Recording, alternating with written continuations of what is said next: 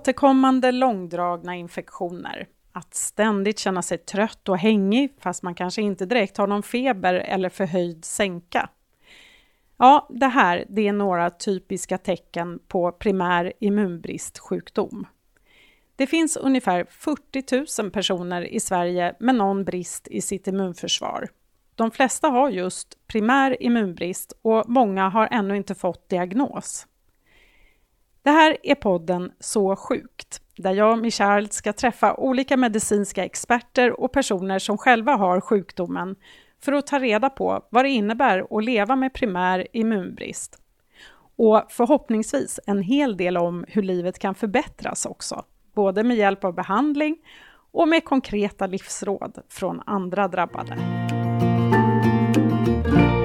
Jag kan väl säga så att jag kanske inte julhandlar i värsta ruschen och så när det är för mycket folk, utan jag eh, tar ledigt kanske lite från jobbet om man ska handla eller att man inte åker på de värsta söndagarna och storhandlar eller sådär. Så det är väl det jag försöker göra och se. Och, var, ja, och var, utnyttja naturen istället och vara ute där. I det här allra första avsnittet ska vi börja med att prata om vad immunbrist är. Och du ska snart få träffa Birgitta Lange och höra henne berätta om hur hon ser på livet med en diagnos. Men vi börjar med ren fakta. Olof Ekvall, hej! Hej! Du är professor i pediatrisk immunologi, barnläkare alltså, inom just det här området och överläkare på Drottning Silvias barnsjukhus. Ja. Idag känner man till över 350 olika former av primär immunbrist. Men kan du börja med att beskriva generellt vad det handlar om? Vad är primär immunbrist? ja, primär immunbrist, lite kort kan man förklara som att det är när någon komponent i immunförsvaret antingen inte finns alls eller fungerar sämre än vanligt. Och man kan säga att immunsystemet är ju det som som hjälper kroppen att skydda sig mot omvärlden. Och om man börjar utifrån kan man säga att den enklaste och mest, mest säga, robusta delen av immunsystemet är ju egentligen huden och de slemhinnor som finns till exempel i luftvägar och i mag-tarmkanal som rent fysiskt hindrar bakterier och virus och annat att komma in. Sen har vi en, en del av immunsystemet som vi kallar för det medfödda immunsystemet. Och det är ett, ett system som man har från födseln och det reagerar snabbt på, på strukturer som är gemensamma till exempel för bakterier. Sen har vi nästa lager av immunsystemet kan man säga, det är det föränderliga eller adaptiva immunsystemet som så att säga lär sig under livets gång eh, att känna igen främmande och hotande organismer och sen är bättre på att bekämpa dem nästa gång man stöter på dem. Men varför får man den här bristen? Ja, man kan säga att om man pratar om primär immunbrist då, då snävar man av det lite grann till de tillstånd där den ursprungliga orsaken sitter i immunförsvaret, eller immunsystemet som jag hellre kallar det. Och då brukar vi säga att för det mesta så är det en genetisk, det vill säga en ärftlig orsak. Sen kan man också ha immunbristtillstånd som är sekundära och det betyder att den orsaken sitter inte i själva immunsystemet utan kan vara orsakat av en infektion, av någon behandling man har fått eller något liknande som i sin tur påverkar immunsystemets funktion. Kan du berätta lite grann vilka symptomen är?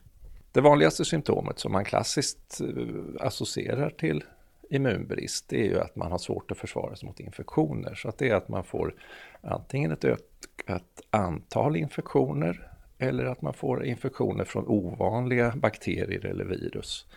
Eller att man får infektioner på ovanliga ställen i kroppen kan man säga.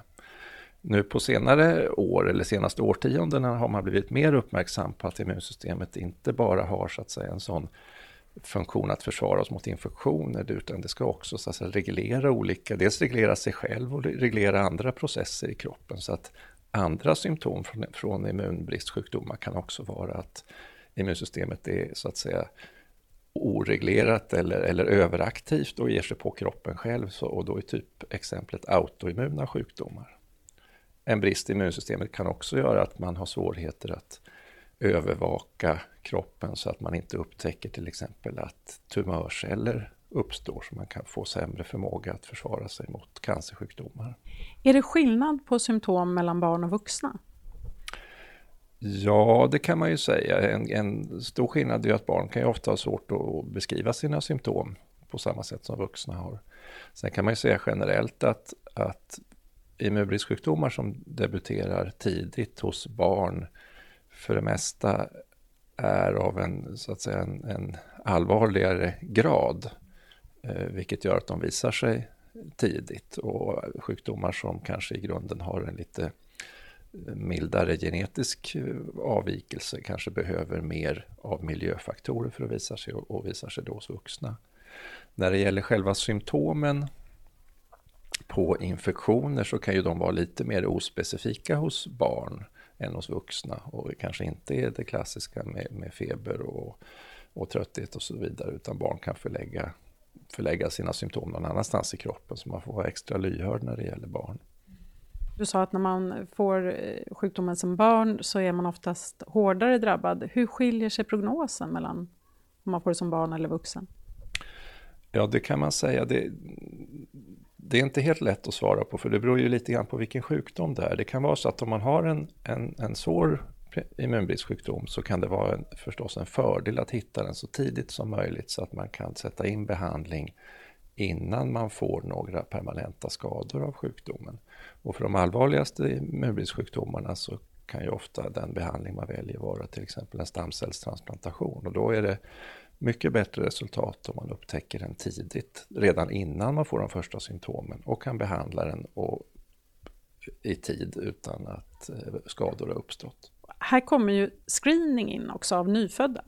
Ja, screening av nyfödda när det gäller svår kombinerad immunbrist är ju något som Eh, är etablerat i många länder i världen och nu håller på att eh, införas kan man säga i Sverige om allt går som vi tror.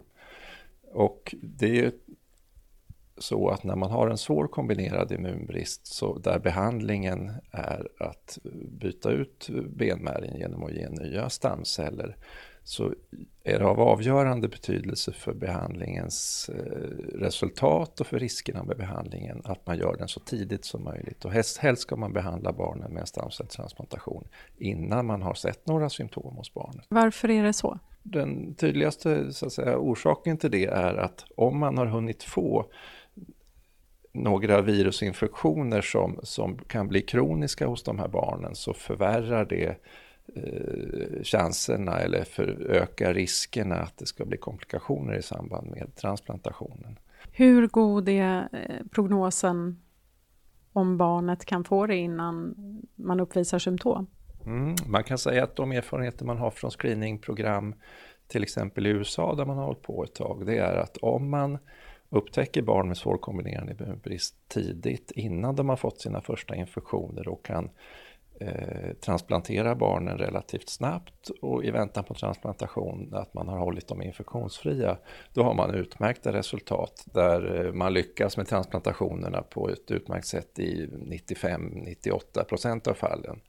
Men om man väntar, eh, låt oss säga sex månader och framförallt om barnen har fått de första virusinfektionerna så sjunker de här siffrorna till kanske 50-60 procent. Så det är av avgörande betydelse för hur lyckad behandlingen blir, att man, att man hittar de här barnen i tid.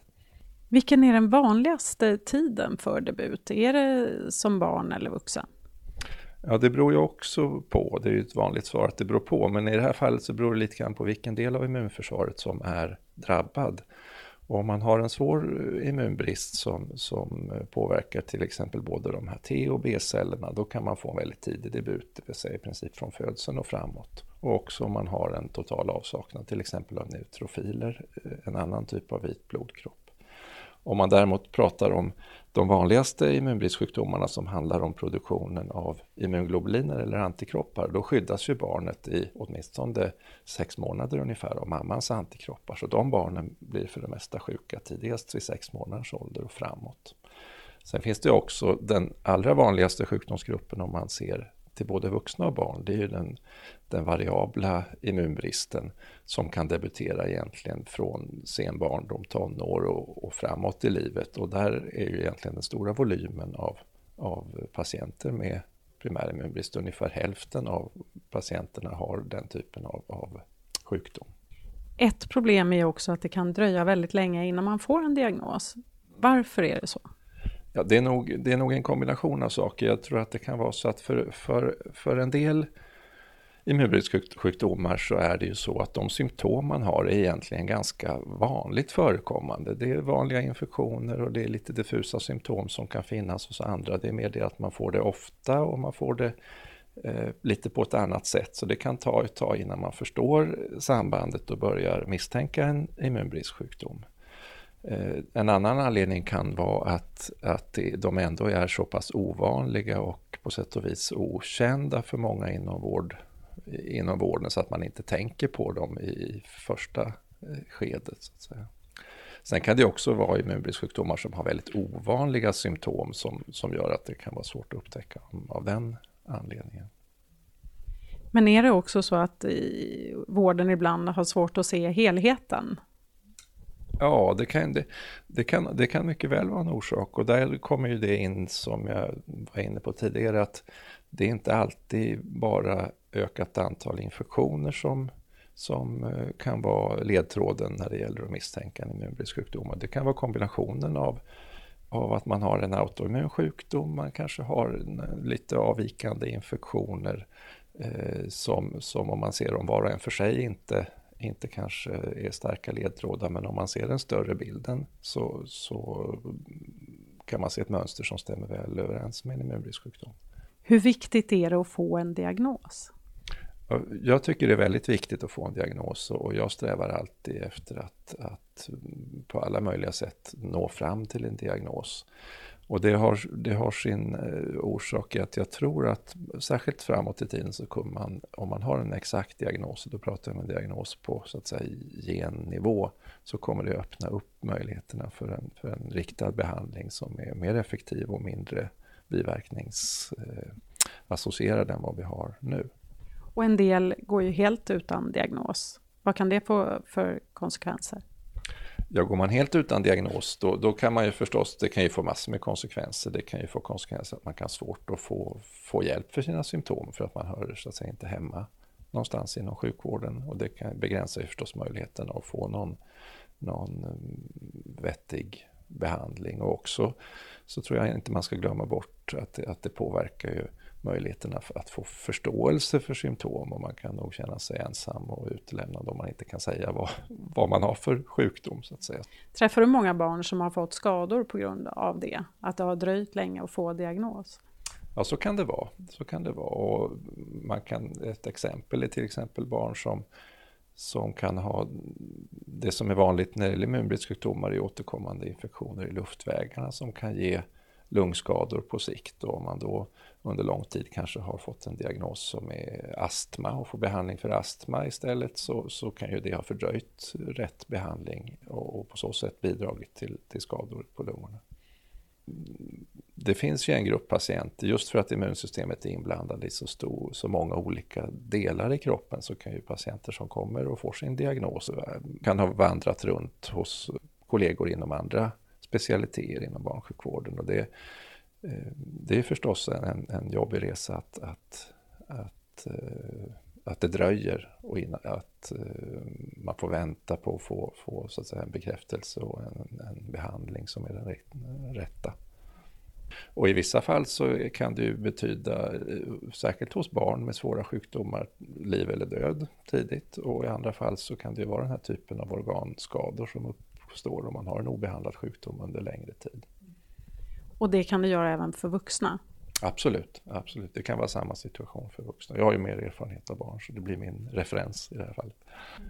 Nu är du själv specialist, men skulle eh, generellt sett sjukvården behöva bli bättre på att se de här sjukdomarna?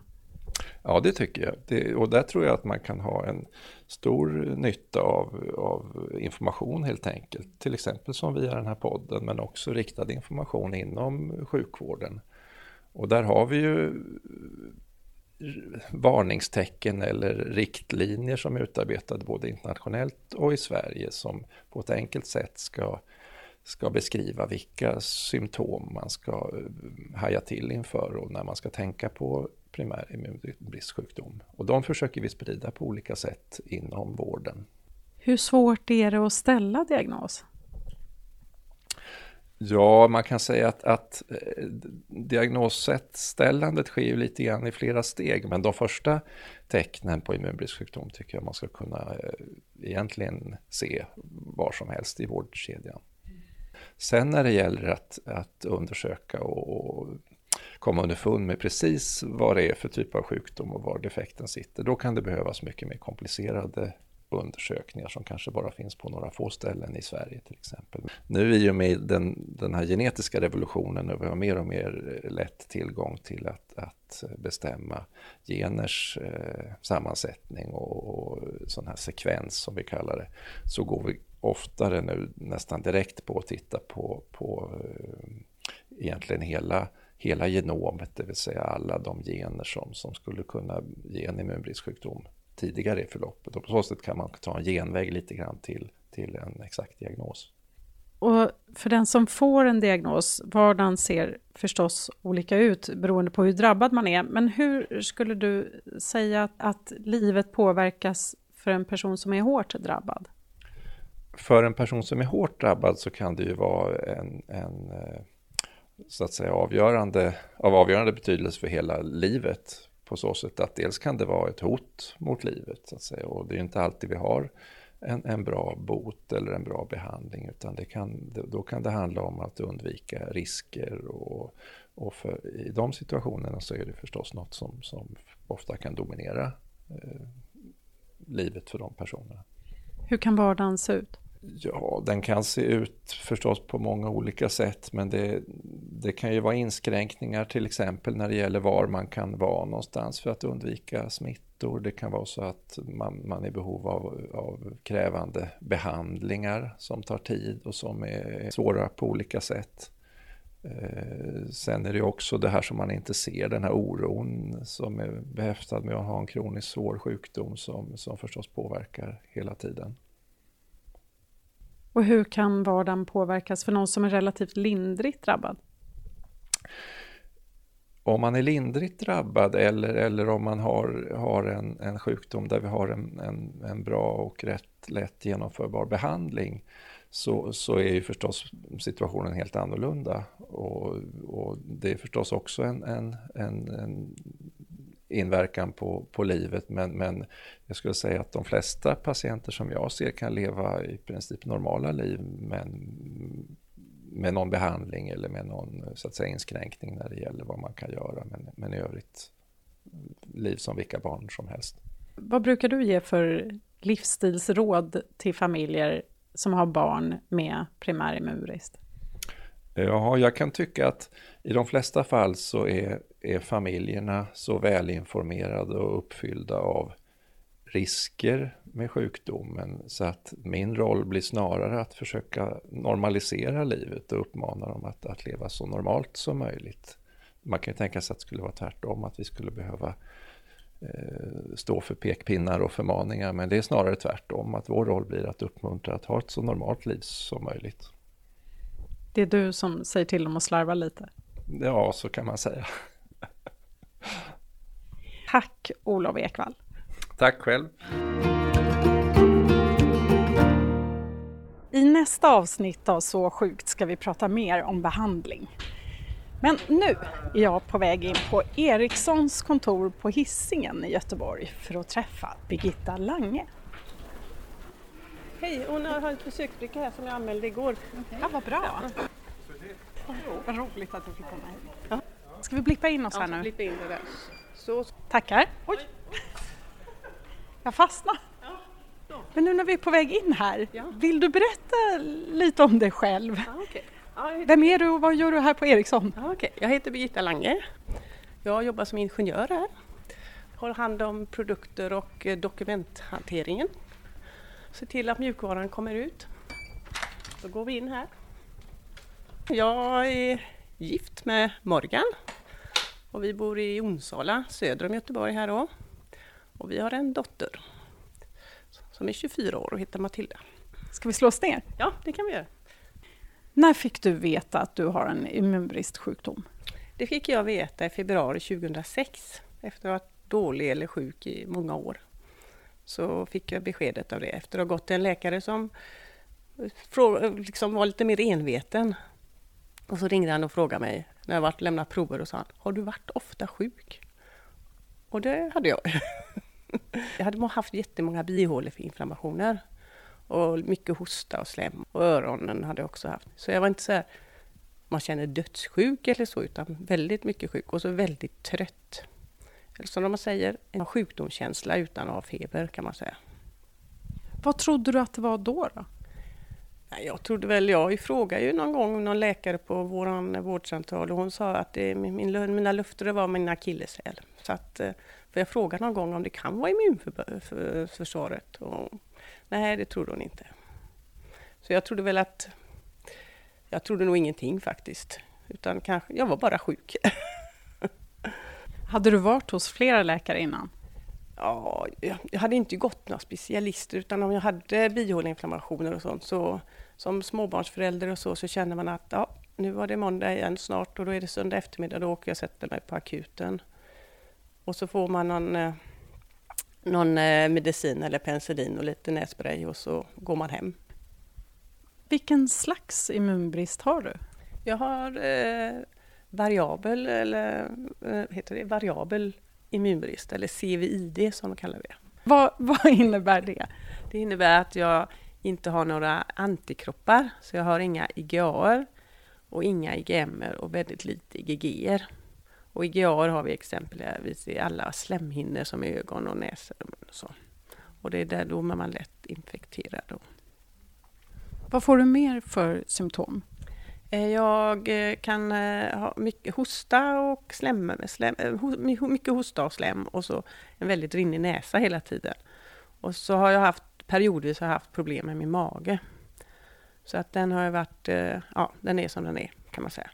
Och sen när, jag, när de höll på att utreda eller under tiden jag fick ont någonstans och så gjorde de en ultraljud så fick de, hittade de en stor mjälte och den opererade de bort också för att den den var dålig sa de, så jag blev utan mjälte för ett tidpunkt då.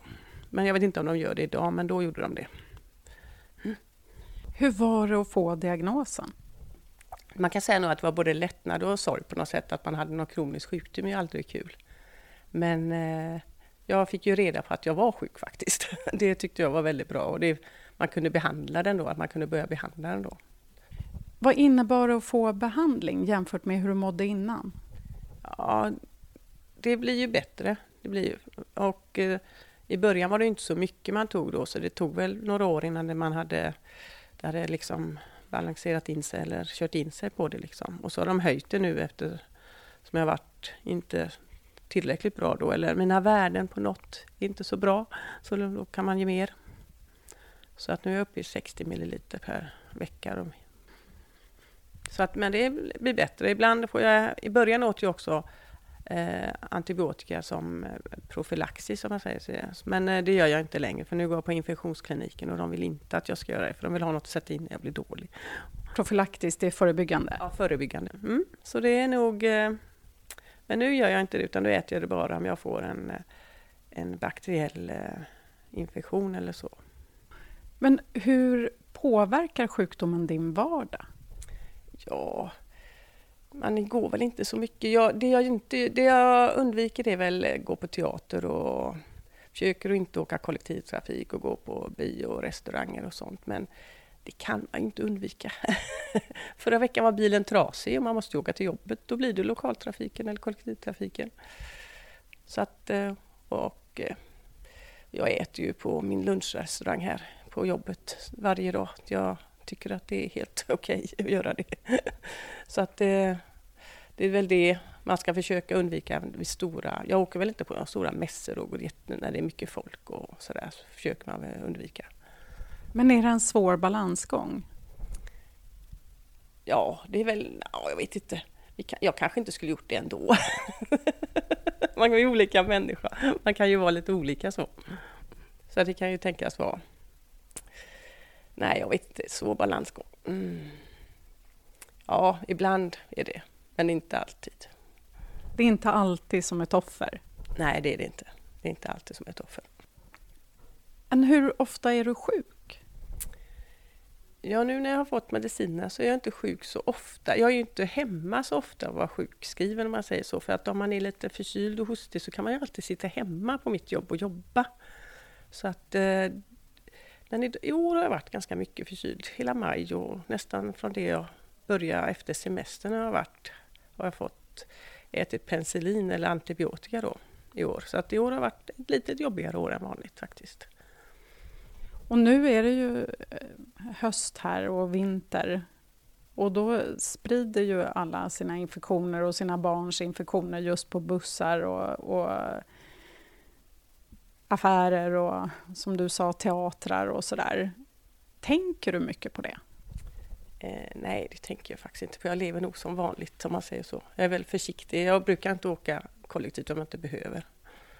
Så att det är väl när det nöden inte har något annat. Liksom. Eller man ja, ska på kalas eller något sånt där. Så att det, ja, nej, det känner jag inte att jag tänker på. Eller att jag, jag kan väl säga så att jag kanske inte julhandlar i värsta ruschen och så när det är för mycket folk. Utan jag eh, tar ledigt kanske lite från jobbet om man ska handla. Eller att man inte åker på de värsta söndagarna och storhandlar eller sådär. Så det är väl det jag försöker göra och se.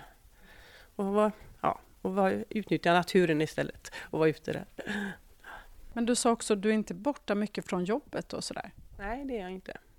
Utan eh, om det är lite för... Nu sitter jag i ett eget rum här, de flesta. Och alla sitter i eh, landskap, kontorslandskap, men jag sitter i eget rum.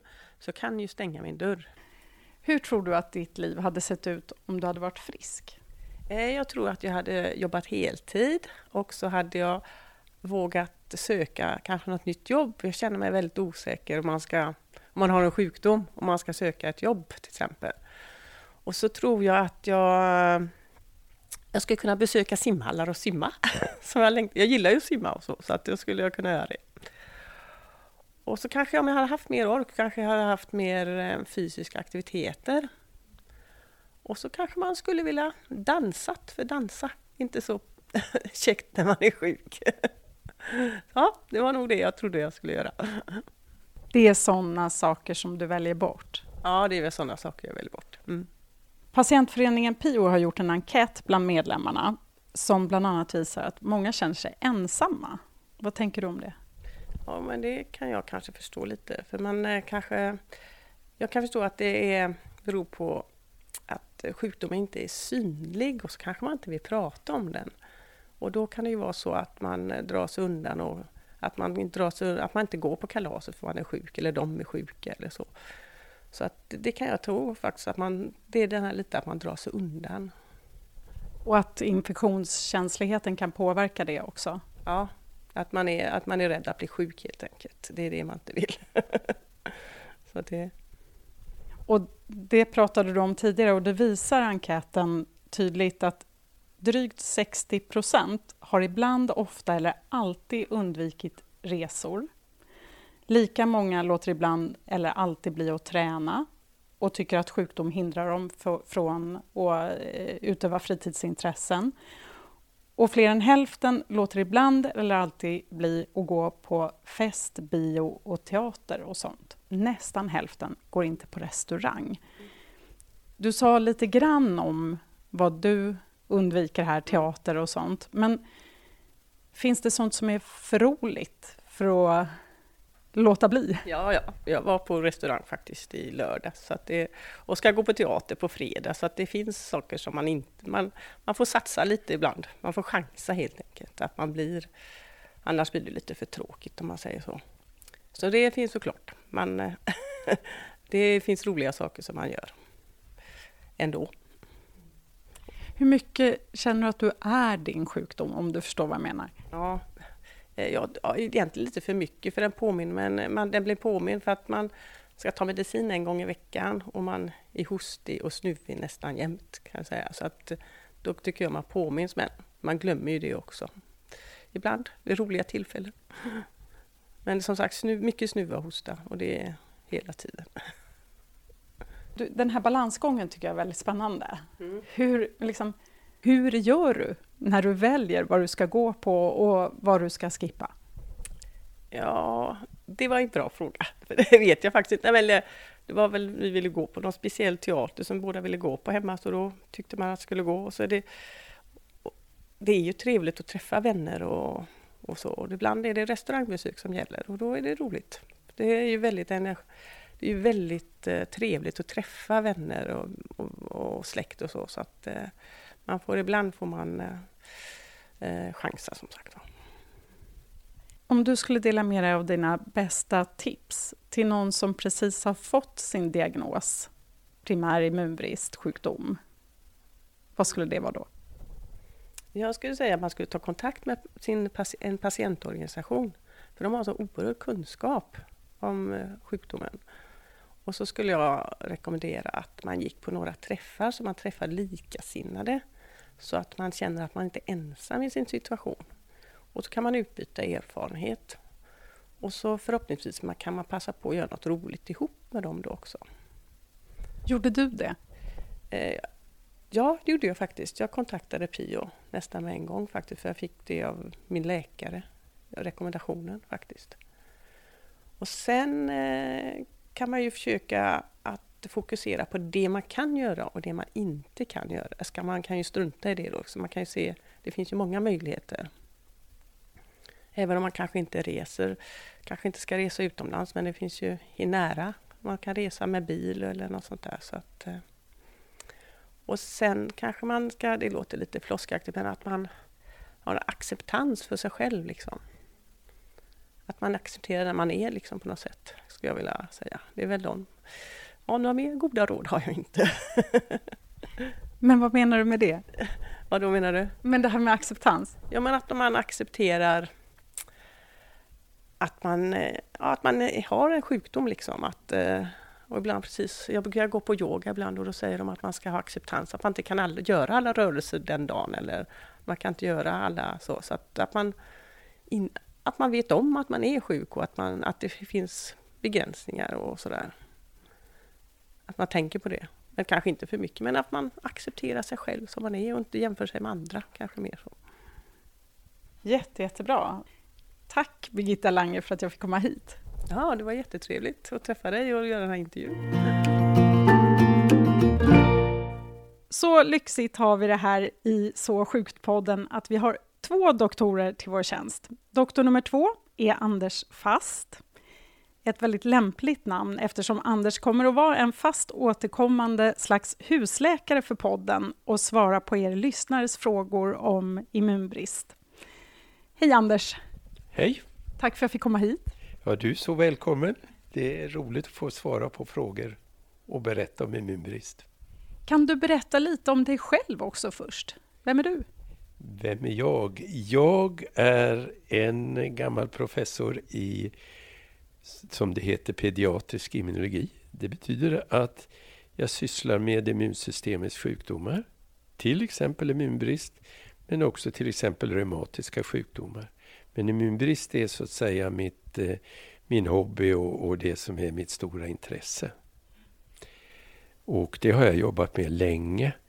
Jag minns fortfarande min första patient som jag träffade ungefär 1973. Vad var det för patient? Då var det en pojke med svår kombinerad immunbrist. Och sen följde också en pojke som jag följde under många år med ett Aldrichs syndrom. Och det kan vi återkomma till vad det är för någonting. Men det var ett par patienter som gjorde väldigt starkt intryck på mig.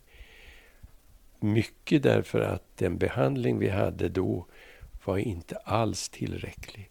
Så pojken med svår immunbrist dog efter ett tag. Och vi sitter på ditt kontor nu mm. på Drottning Silvias barnsjukhus i Göteborg. Så stämmer det. Det är här jag har haft mitt rum under många år. Här har också varit ett laboratorium, men faktiskt att vi har gjort en del analyser här från början. Sådant som nu är mera centraliserat och etablerat på ett annat sätt. Och nu är du husdoktor i en podd också. Ja, det är spännande. Jag tycker det är, det är roligt. Jag har medverkat många gånger i lekmannasammanhang. Jag har varit med i Fråga doktorn, både på tv och radio och eh, Vetenskapsradion. Eh, den här biten att få undervisa, det är väldigt givande. och samtidigt förstås en väldigt svårt. För får man reda på att man har, eller ens barn har, en svår sjukdom. Det behöver inte då bara vara immunbrist. Men man blir ju väldigt ställd. Och hela katastrofkänslan kommer in i en och säger vad betyder det här? Hur allvarligt är det här? Och plötsligt så finns bara det i huvudet och doktorn pratar och förklarar. Och sen när man kommer till hem så kommer man inte ihåg någonting. Och då gäller det, det att ge, få chansen att ge information igen. Och kanske kan en sån här podd då vara ett bra sätt att komplettera information som du som patient hos en läkare eller kanske som närstående till någon som har drabbats att få höra lite mera. Mm, verkligen. Nu har vi ju inte hunnit få in några frågor än från er lyssnare eftersom det här är allra första avsnittet, men vi har fått en från primärimmunbristorganisationen PIOs medlemsmail som vi tänkte ta den här gången. Anders svarar och förklarar. Hur kan andra hjälpa till att skydda personer med primär immunbristsjukdom? Egentligen en svår fråga och en lätt fråga. På det ena sättet så är det ju naturligt. Är man snuvig så självklart ska man inte gå hem eller hälsa eller krama om någon som har en immunbrist. För det finns ju en stor risk att man smittar då. Det är ju vanlig hyfs att man inte ens gör det på de som har ett normalt immunförsvar. Sen kan det ju vara andra saker som man kan tänka på. Man kan få vara noggrann med handhygienen. Men annars är det inte så mycket vi, vi kan göra för att skydda varandra utan det är framförallt att tänka på Har jag en infektion? Skulle jag kunna smitta? Finns det en risk för detta? Ja, låt bli att träffa just då. Hur är det med vaccinationer och så då? Ja, det kan vara bra att man är välvaccinerad och man ska umgås med någon som har immunbrist. Till exempel syskon. Det är ju självklart att de gärna ska vara vaccinerade enligt vaccinationsprogrammet. Men kanske också med lite till. Jag tänker på vattkoppor. Det kan vara en riktigt farlig sjukdom för den som har immunbrist. Det kan också vara bra att tänka på att familjen vaccinerar sig mot influensa varje år. Då skyddar de ju sig själva och därmed minskar de möjligheterna att smitta den som har immunbristen. Och influensa är ingen banal sjukdom om man ser det på hela befolkningen. Det är faktiskt en hel del av de som också till synes verkar ha ett normalt immunförsvar som dör i samband med influensaepidemierna varje år. Och det här är den närmaste omgivningen. De som är lite längre ifrån då, man pratar om allmänheten. Ja, det är ju svårare, för inte kan vi garantera att om vi går ut att allmänheten, om vi går på ett varuhus eller trängs i bussar eller, eller tunnelbanan, inte kan vi veta hur det är med omgivningen. Utan där är det nog mera så att den som har immunbristen får tänka efter och fråga sin doktor hur allvarligt och hur stor risken är det för mig? De svåraste immunbristerna? Ja, nej, det är ju ganska naturligt att man framförallt håller sig hemma. Men andra, säg den som får immunglobulin som behandling, kanske fungerar så väldigt bra i vardagen så att ja, det går alldeles utmärkt att leva ganska normalt. Det finns den här aspekten att man måste lära sig hur man själv reagerar. Hur mycket tål jag? Och hur mycket tål mitt barn med immunbrist? Och det där är ju en, det där är en process. Det kan vara lite svårt det här för i detta kommer ju också den här ängslan. Är det farligt att jag gör det här? Och någon är mera äventyrlig sig och tycker att det här går väl bra, jag tar chansen. Andra är mera ängsliga och eh, känner att man vill göra allt och isolera så mycket som möjligt och undvika kontakter.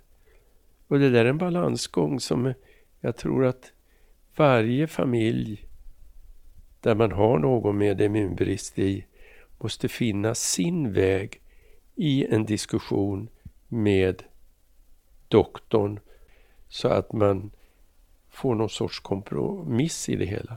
Kanske också, vilket är naturligt, att man eh, i början när allting är nytt, att man är mer försiktig då för att successivt lära sig.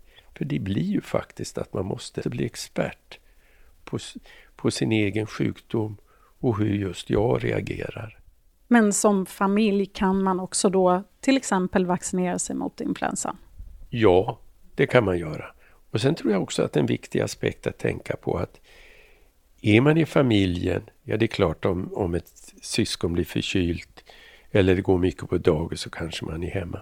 Men samtidigt måste man ju tänka på att i en familj är man så nära in på varandra så att man delar på bakterierna på huden och i tarmen och runt omkring sig. Och det är på både gott och ont. Det goda är i de flesta fallen att de vanliga snälla bakterierna som finns där, de är också inte intresserade av att få lite elakare bakterier in och på kroppen. Så att de är också ett skydd. Man delar helt enkelt med sig av sina goda bakterier också? Ja, precis. Man delar med sig av sina goda bakterier. Och det där känner vi till kanske framför allt ifrån tarmen men också från lungorna, att vi har de goda bakterierna. Och de håller en sorts balans och vill inte så gärna ha lite besvärligare kompisar som eventuellt skulle kunna ställa till besvär. Vad bra, det var den frågan vi hade den här första veckan. Okej. Okay. Och nu väntar jag naturligtvis på många andra frågor från er som lyssnar.